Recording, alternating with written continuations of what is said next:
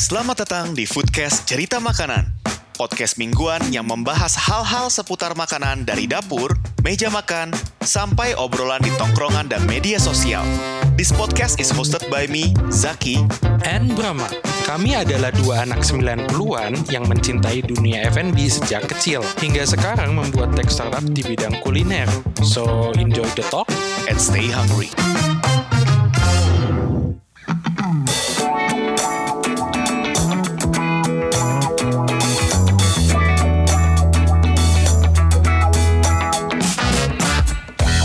Kembali lagi di Foodcast Cerita Makanan bersama gue Zaki. Dan Brahma, Happy New Year semuanya. Ini sekarang di tahun 2021 Akhirnya kita masuk ke tahun yang baru 2020 sak Udah lewat kemarin Kita masuk ke tahun yang baru Kita lihat apakah lebih buruk Ataukah akan jadi lebih baik Kalau lu sendiri Prediksi lu bakal gimana Bram 2021 nih Bram 2021 ini gue sih masang mindsetnya kayak gini nih. Uh, there will be no New Year's until you have a new mindset. Wih, gila nggak? Gila Jadi itu quotes tuh gue nemuin lagi perjalanan bijak banget lah. Hmm Kayaknya akan gue pakai untuk tahun ini.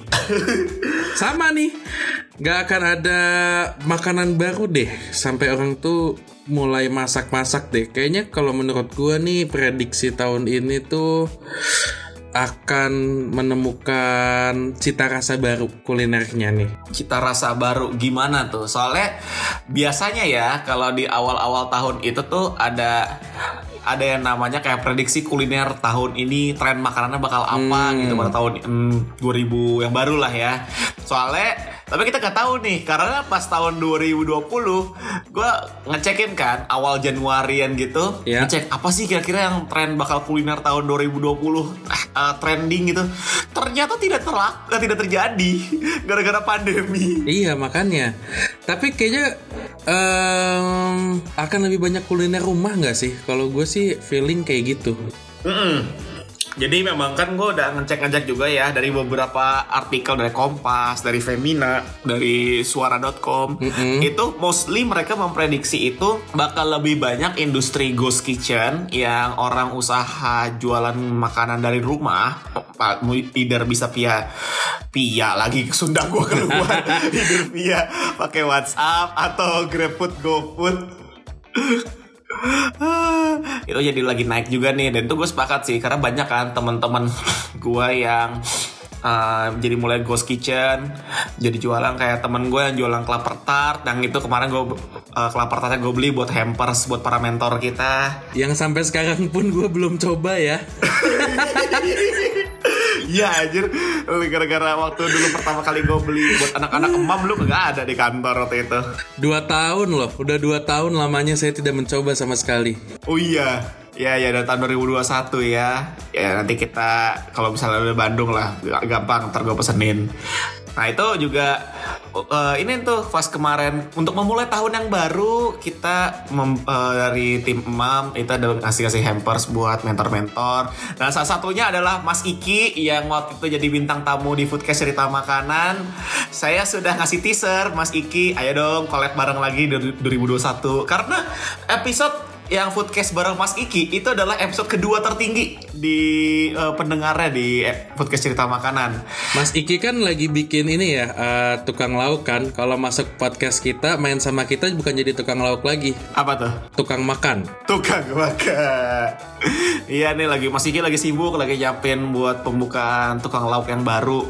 Nah, oh iya sama ini achievement lumayan Bram. Kan waktu itu kita pas episode kapan gitu, kita bilang udah 100 play. Oh iya, Sekarang sudah 500 play. gila. Lu niat banget Zak mencetin play pause, play pause. Ulang-ulang udah berapa? Udah lo tinggalin semalam ya. Terus di on repeat. iya on repeat gue Enggak lah, gue gak segitunya.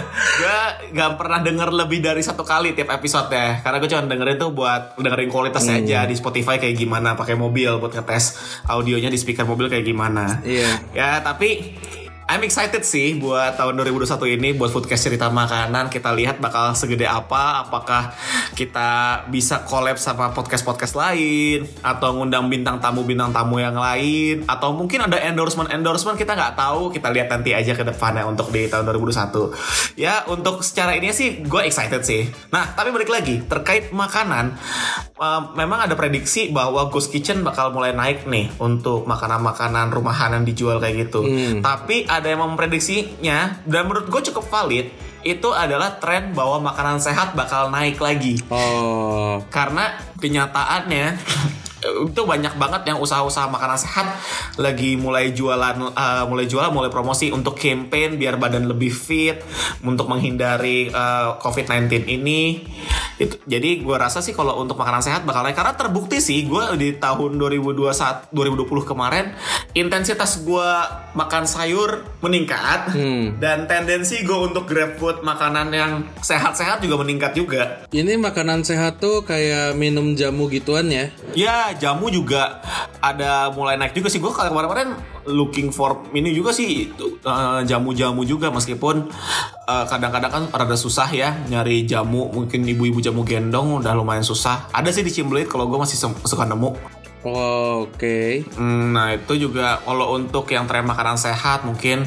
yang lagi tren kayak salad-salatan atau mungkin kayak oats kah atau eh, menu-menu buat sarapan-sarapan gitu yang buat sehat ma- makanan buah-buahan sehat lagi mulai naik lagi nih. Gue rasa sih itu untuk mengcounter kondisi COVID yang lagi ini ya. Oke. Nah, tapi kalau itu kan kita prediksinya adalah yang ini ya. Prediksi kalau COVID-19 belum membaik. Mungkin untuk di episode kayak gini kita mau konsepnya kayak halu-halu Bandung. Kita Bandung. berhalusinasi kira-kira. itu nama acara dari podcastnya ini Info BDG kenapa halu-halu Bandung nah, jadi gue sih pengennya ini kita kayak berandai-andai Kita mah nggak usah halu-halu Bandung, Zak. apa tuh Tiap hari juga kita halu, Zak. Enggak, enggak. Kita enggak halu. Kita visioner. nah, itu kalau dari 2021, misal kan katanya nih ya, vaksin Covid udah ada dan udah mulai bakal bakal mulai dibagikan ke uh, semua masyarakat, gratis semua dan katanya bakal via SMS kan notifikasinya. Wah. Kalau misalnya kita udah terpilih buat Oh, kalau udah terpilih kan. Iya, kalau terpilih, kalau misalnya lu udah bisa vaksin, nanti lu bakal ada SMS-nya buat suruh vaksin di mana tempatnya gitu-gitu sih. Nih, gue takutnya tren SMS berantai zaman dulu muncul lagi nih. Kayak sebarkan SMS ini jika tidak. Hati-hati, vaksin penipuan. vaksin penipuan. Itu tuh semoga aja lah ini official dari pemerintah kan menteri udah baru kan sekarang aduh alarm jam gua bunyi. Matiin dulu. Buat yang kalian dengerin alarm ini, ini adalah alarm di mana Zaki udah harus masuk pintu kamar mandi. Iya. Cuman hari ini beda karena dari pagi saya udah ngosek kamar man, eh, ngosek balkon. Saya dari subuh subuh udah ngosek balkon. Jadi tadi pagi udah boker.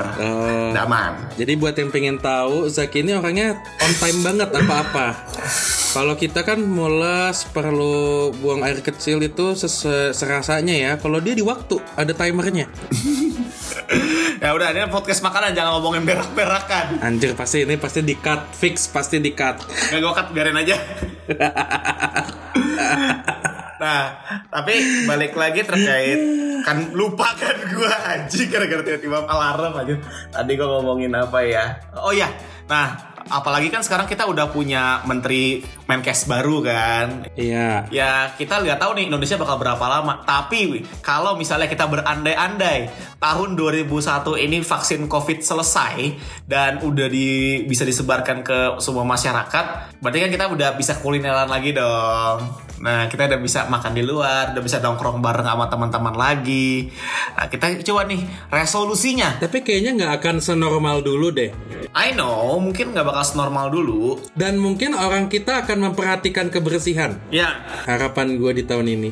Iya iya iya, cuman kan mas dengan orang jadi jaga kebersihan dan let's say COVID-nya udah bisa tercover karena ada yang vaksin, mungkin kita bisa kulineran lagi nih. Gue pengen ngebahas kira-kira kalau uh, COVID selesai tahun ini, lu mau kulineran apa Bram?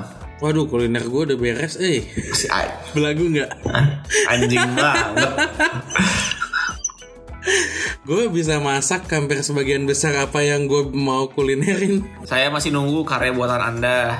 Oh cuman ada satu sih Yang nggak akan pernah bisa gue gantiin Apa? Gue nggak pernah bisa bikin nasi goreng Madonna Padahal udah pakai kompor yang sama Kompor mawar gitu nggak bisa gue Hmm. jadinya eh rasanya tetap beda. Jadi gue kayaknya tahun ini akan makan nasi goreng Madonna lagi. Ya itu seperti tahun-tahun lo yang sebelum-sebelumnya juga ya.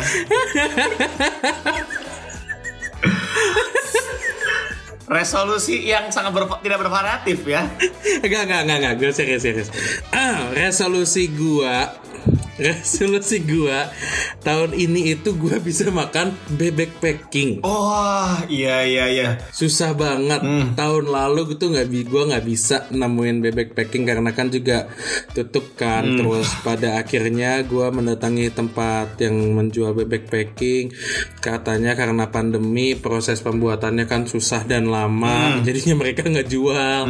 Adanya cuman bebek panggang. Jadinya saya sedih. Nah, lo bahas bebek packing sama bebek panggang, mungkin ada nih pendengar podcast cerita makanan yang nggak tahu emang bebek packing sama bebek panggang apa bedanya sih? Yang bebek packing di packing. Hmm. Emosi gue nih. Jangan mancing emosi saya pagi-pagi. Tolong dong. Jelaskan tuh yang bener. Kalau yang panggang dipanggang. Enggak enggak bebek packing itu dimasukin kayak semacam oven atau chamber gitu kan prosesnya dan pada hasil akhirnya itu kulit dan daging itu nggak nempel banget kayak gitu. Ya dia kan itu kalau seingat gue ya bebek packing itu caranya itu ada ditiup gak sih? Pakai eh, pakai ang- kompresor angin gitu biar bisa ngelepasin lemak kulit sama eh, dagingnya. Iya dan di dalam ovennya tuh emang gimana ya cara gue jelasinnya ya ngebayanginnya. Gue karena ovennya khusus kan beda kan untuk nge-packing sama oven-oven yang lainnya. Kayak gitu kurang lebih mah kayak di smoke lah ya. Simpelnya tuh kayak oven-oven yang smoke gitu kan. Karena pada po- posisinya si bebek itu kan digantung kan. Iya. Dan ini juga kan sebelumnya dia ada proses ya kalian pada coba aja deh dan sebelumnya juga dia ada proses ini kan kayak dia dibanjur pakai minyak panas gitu kan biar kulitnya kering tapi nggak nggak- dagingnya itu nggak langsung matang karena dagingnya tuh matangnya tuh via oven kan. Iya iya iya, tapi tapi panasnya tuh eh, temperatur stabil ya, bukan yang bener-bener ibaratnya eh, sampai kulit itu crackling gitu. Karena kan dia harus menjaga. Pokoknya hasilnya itu bedanya gini, kalau bebek dipanggang itu tuh hasilnya pucat, kalau packing itu lebih mengkilat. Ada kayak glazy glazy dari si lemaknya tuh berlapis gitu kan nempel. Hmm, iya. Dan kalau biasanya kan kalau bebek packing itu dia di servingnya kalau di restoran Chinese food itu dia tuh kayak ada pakai bungkusan tortilla eh, ini kan kayak kulit pangsit atau tortilla gitu. Habis itu ditaruh kulitnya kasih timun dikasih apa lagi sih itu? Yang daun-daunnya gitu juga. Yang dikasih kayak bumbu kecap asinnya. Ja- ada jahenya juga. Dan biasanya dagingnya itu di serve terpisah. Jadi kayak dagingnya daging kulitnya kulit. Di ininya. Gue kangen sih sama bebek packing udah lama banget sama kayak lu Makanya nih tahun tahun lalu gue nggak bisa dapat sama sekali dan sebenarnya nggak ada yang saya enak itu sih emang lo biasanya dulu makan itu di mana bebek packing. hmm. eh di mana ya? Eastern. eh Eastern ada bebek packing ya gue soalnya cuman makan di ini doang di Daking Gue nggak suka daging. oh iya Terlalu komersial rasanya. hmm. Terlalu komersialize. Kalau kata gue sih rasanya kayak gitu. Gue lebih suka yang eh, autentik. Jadi kadang-kadang tuh gue ke lokal Chinese res- Chinese food restoran di Bandung yang jual juga. Cuma gue lupa namanya apa karena udah hampir jarang banget ke sana. Jadi makannya di situ. Menurut gue rasanya lebih memuaskan lah dibanding di The Ducking. Hmm. Ya tapi gara-gara lu ngomong Eastern Itu juga salah satu resolusi 2021 gua Kalau misalnya covid kelar Gue tuh kangen makan all you can eat Bram Oh, eh, lu nggak makan all you can eat sama sekali ya tahun lalu? Oh, oh, hampir enggak Cuman sekali itu doang yang Hana Masa Hana masa, Hana masa. Oh harang apa nasibnya? Anak-anak emam gimana? Oh iya, oh harang betul juga. Parah banget. Iya iya iya iya. Itu buat saya bukan makan all you can eat, Pak, makan normal itu. Wah gila lu sakit Zak. Oh enggak sih, enggak enggak enggak. Enggak enggak enggak. Lu enggak sakit sih. Lu kan makan tuh kurang lebih kalau gua lihat tuh 20 krat ditumpuk kan daging kan. Hmm. Ah. Tapi itu sisanya terus yang di tempat pepanggangannya pun sampai full kan ya. Mm-mm. Ya banyak lah. Terus lu sampai ikut ke panggangan gua lagi. Mana ada? Agak ada. Gak tahu malu. Mana ada? Gak ada. Ada. Apa? Nggak ada bukti. Anda tidak bisa membuat statement. Anda juga bisa buat statement. Anda gak punya bukti.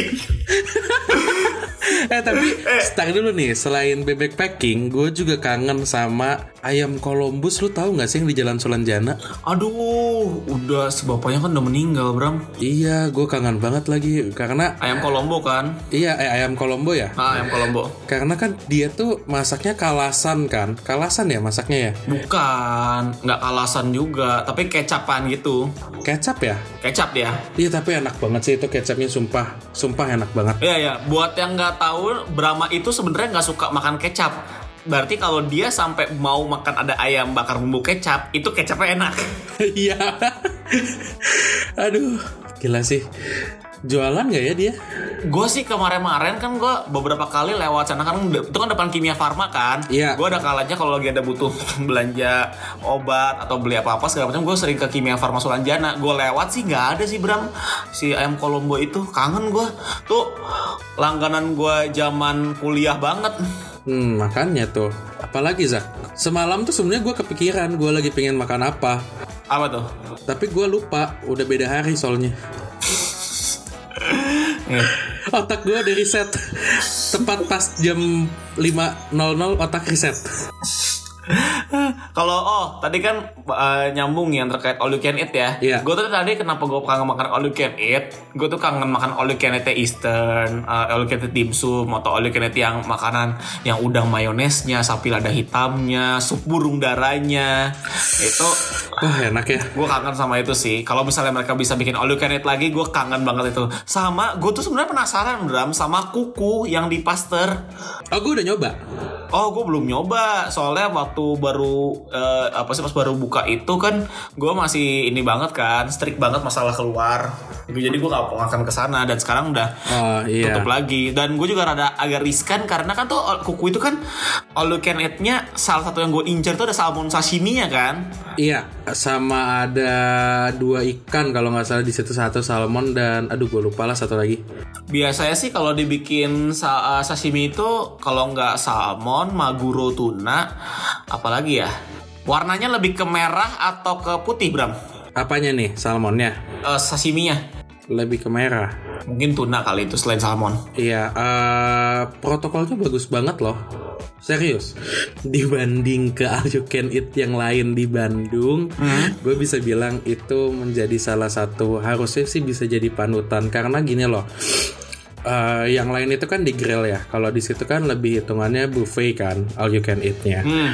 Nah, tapi yang gua salut tuh adalah protokol kesehatan dari pegawainya pun eh, gua rasa itu keren sih Hmm. gua gua akuin itu keren karena em, kan lo tau gak sih kan kadang-kadang kan pegawai gitu kan suka pakai sarung tangan plastik kan Iya iya. tapi kayaknya mereka tuh aware banget loh bahwa sarung tangan plastik itu kan ada ada batasan waktu pemakaian ya Iya. jadi eh, ada di mana titik dia harus ganti kan dan gue perhatiin mereka tuh ganti loh Hmm. jadi bukan yang sekali pasang seharian gitu Hmm. Iya iya iya. Ya gue penasaran karena gue kan dasarnya juga gue suka sushi. Gue pengen makan salmon sashimi di sana karena kemarin-kemarin ada temen kampus gue itu yang pernah makan di sana sama anak-anak kantornya. Dan gue nanya lu ah, gimana? Dia dia, suka sama salmon sashiminya apalagi kan free flow kan. Rumah menurut dia untuk harga segitu eh, dan juga bisa free flow salmon sashimi yang lu kalau misalnya di sushi teh atau di zenbu satu piring cuma 5 slice tuh harga tuh 60 70 sampai 80 ribu ini lu bisa free flow. Untuk all you menurut gua wah itu puas sih. Gua kan kalau misalnya salmon sashimi kayak gua bisa berapa plate deh lumayan. Kalau apalagi lo kalau misalnya all you gitu bisa bebas banget gua ngambil apalagi ya si apa tuh mie yang pakai black bean tuh namanya Zak? Jajangmyeon. oh iya enak loh di situ. Bener gue mah nggak bohong. Oh iya. serius enak black beannya parah enak banget. Cuman yang kalau kata gue sih lo harus makan makan makanan yang kayak gitunya ya. Jangan kan dia kayak ada pizza pizza gitunya kalau menurut gue sih biasa aja itu. Hmm. Tapi gue pasti sih, gue tren gue kalau gue all you can eat uh, ke tempat baru, gue akan selalu mencoba semua makanan yang ada sedikit sedikit tapi. Oh sedikit sedikit. Zak di situ ada sate kulit. Aduh ya ampun. Kayak lu tahu gak sih kayak sate kulit di Jepang yang tebel banget kulitnya. Hmm. Setebal sate kulitmu di Rahayu gak? Ya kurang lebih lebih dikit nggak setebal itu banget. Cuman ya cukup bikin pusing lah. Hmm. Ya tapi lebih tebal daripada robatayaki yang di Hanamasa. Lebih lebih lebih dong lebih. Dan taste-nya lebih manis. Hmm. Iya iya iya. Gue penasaran sih. Minimal gue harus nyobain semua dulu dikit-dikit aja. Nanti ronde 2-nya baru dari dari yang gue makan tuh mana yang enak langsung gue ambil 5 piring, 5 piring. Gitu. Biasanya gue kalau oleh kayak gitu. Apalagi nih lo? Gua ada nih udah ingat. Gue juga.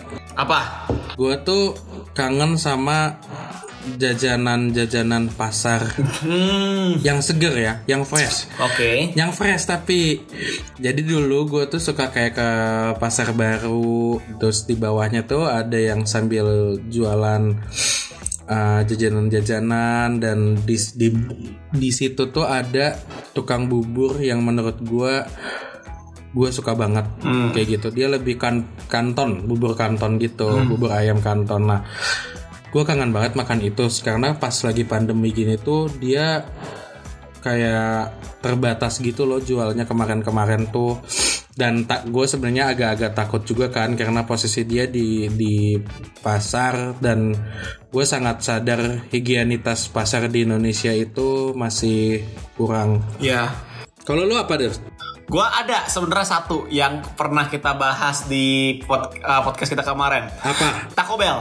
Gue pengen ke Jakarta, pengen nyobain Taco Bell di Jakarta. kenapa ya gue nggak se excited itu loh padahal gue juga suka banget taco Gue lumayan excited karena ini gue suka gue sebenarnya tuh suka sama taste makanan Meksiko. Nih gue gak bilang Taco Bell makanan Meksiko ya ntar dulu ya.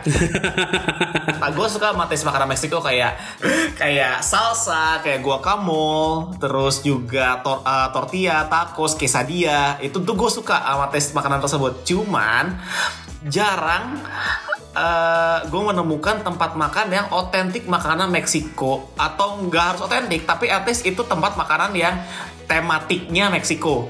Jarang. Gue tuh dulu pernah ada aduh gue lupa anjir namanya dulu tuh ada di Blok M Plaza tuh. Gue gue nggak tahu. Namanya apa ya? Dia ada sama bar juga sih. Dia ada sama bar kayak gitu cuman makanan ada dia jual-jual makanan Meksiko. Di situ waktu itu gue makanan lumayan enak tuh. Tapi abis itu udah tutup nah makanya gue jarang nemu. Ah, kalaupun ada yang kayak quesadilla gue suka itu ada di bistro di Cibubur itu tapi kan dia itu sebenarnya cafe yang kebetulan menjual ada menu quesadilla jual taco eh jual nachos kayak gitu Eh, bentar deh. Ngomong-ngomong soal itu, Zak. Di Bandung ada ghost kitchen yang enak. apa tuh Namanya Racos. Nachosnya enak banget sama salsa sausnya. Gila. apa apa apa namanya Namanya Racos. R A C H O S Iya, ada kok. Tuh kan dapat dapat free dapat free recommendation. Hmm, boleh boleh nanti gue coba. Nah, kenapa gue pengen Taco Bell? Karena bukan cuma karena dia menjual makanan dengan tematik Meksiko, tapi karena secara pop culture eh, Taco Bell tuh sering banget gue lihat entah di film atau di konten-konten YouTube Amerika, sering banget termention terkait Taco Bell atau di komik-komik kah. Gue jadi makanya penasaran Taco Bell tuh kayak gimana sih taste-nya. Karena itu salah satu kalau di mereka kan kayak staple foodnya mereka kan ada sering istilahnya em, makanan kayak makan McD, KFC, Taco Bell Iya. itu kayak franchise franchise fast food yang udah well known dan hampir semua orang di Amerika kayak makan dan itu salah satu yang gue gue sadar diri nama gue sulit buat masuk ke Amerika jadi kalau misalnya ada franchise makanan dari Amerika yang masuk ke ya ASEAN lah, gue akan sangat senang. Gue bisa nyobain setidaknya. Kalau lu ada lagi nggak? Enggak sih gue udah nggak ada. Oh ada deng. Apa? Gue pengen Texas Chicken balik lagi. 2021 nggak bisa move on. 2021 gak bisa move on Texas Chicken manajemen yang lama eh tapi gue lihat di Texas Chicken yang manajemen ini yang manajemen yang baru punya Malaysia itu gue lihat mereka ada menu ini menu ati ampla gue gak tahu ya enak atau enggak ya. Kalau ada menu ati ampela harus dites sih. betul. Kayak soalnya gara-gara kemarin-kemarin gue follow akun apa ya? Gila diskon atau apa? Lagi ada promo-promo gitu ada Texas Chicken. Dan salah satu menu eh, yang promonya tuh lagi ada menu ampla makanya gue sampai kaget hah Texas punya ampla tapi pas gue lihat Texasnya menunya itu gue tahu itu menu yang eh, Texas Malaysia karena ada ada yang apa sih yang honey biscuit itu Iya. terus ada yang sandwich sandwichannya itu setahu gue tuh menu yang Texas Malaysia tapi ada menu ati ampla di mana dulu menu Texas Malaysia tuh gak punya ati ampla apakah mungkin karena mereka udah join manajemen kah? Jadi ya udahlah resep-resep lo yang dari Texas Indonesia yang lama dimasukin juga masukin ke menu kita. Kita nggak tahu. Mungkin boleh lah kita coba nanti. Ya karena mereka harus tahu. Di Indonesia itu doyan banget kayaknya jeroan. Oh iya jelas. Itu memang jelas doyan banget jeroan orang Indonesia tuh. Oh sama. Gua itu ada dua lagi nih kalau gue pengennya di 2021 Satu. Itu adalah gua kangen makan ketoprak langganan gua di Ka- Kali Baru Timur Senen Jakarta Jauh Zak. Nggak sebenarnya bukan masalah jauhnya Bram. Jakarta mah nggak jauh Tapi karena kondisi pandemi Mobilisasi susah Bahaya. Itu juga malah potensi menyebarkan lagi kan. That's why kenapa gue gak bisa ke Jakarta. Kalau misalnya nggak ada pandemi mah Jakarta doang gue jabanin. Nah itu nyambung nih. Sama yang keduanya gue adalah Gue pengen kulineran lagi di Jogja. Kulineran di Jogja mau apa? Ya banyak dari yang wishlist dari Mas Iki kemarin yang di episode yang kuliner legendaris kan Mas Iki banyak tuh ngasih tahu tempat tempat makan di Jogja kan. Gue pengen tuh ke sana lagi. Eh gue lupa apa aja ya Mas Iki ya? Wah, anjir, banyak banget tuh dengerin aja lah di episode yang kuliner legendaris. Cari aja episodenya. Wah gila. Tapi tapi kuliner Jogja tuh emang selalu ngangenin loh.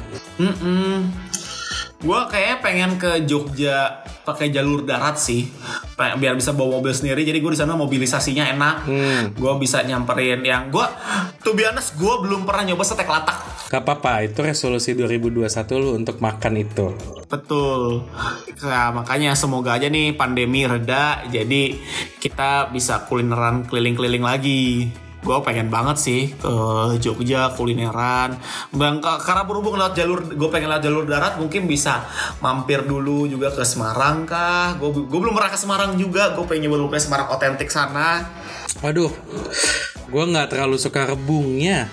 Wah gue suka rebung Makanya gue pengen lumpia Semarang asli Terus gue juga pengen ke Solo Surabaya juga udah lama Gue terakhir kali ke 2014 eh, Ke Surabaya itu 2014 pengen makan ada tahu tek terus juga makan lontong balap rujak cingur terus juga Eh, di Banyuwangi itu ada makanan khas loh yang harus lo coba. apa tuh Soto rujak. soto rujak kayak gue pernah denger itu kayak gimana sih Rujak enak kan? iya Soto daging enak nggak? iya enak Ya udah dimasukin rujak. Eng- enggak enggak enggak gini gini ya Mas Brahma ya Serius, Zak? Eh, analogi dua makanan enak gak serta merta ketika dicampurkan pasti dia bakal enak Ya kan gue kasih tahu itu itu yang ada di Banyuwangi, yang ada di Banyuwangi kayak gitu, Zak. gini ya nih lo tau rawon ya rawon kan enak Ya. habis itu bayangin salad pizza hut pakai saus Thousand Island mayonesnya Enak juga kan? enak enak coba lo campurin tuh salad pizza hut ke dalam soto rawon Ya udah lu datang ke Banyuwangi sendiri lu cobain soto rujak. Beneran kayak gitu gue nggak nggak ngebohong. ya gue gue yakin lo bilang kayak itu masih enak tapi cara mendeskripsikan enak lo sangat tidak enak Tapi itu yang paling gampang soto daging enak kan, rujak enak kan ya udah digabungin.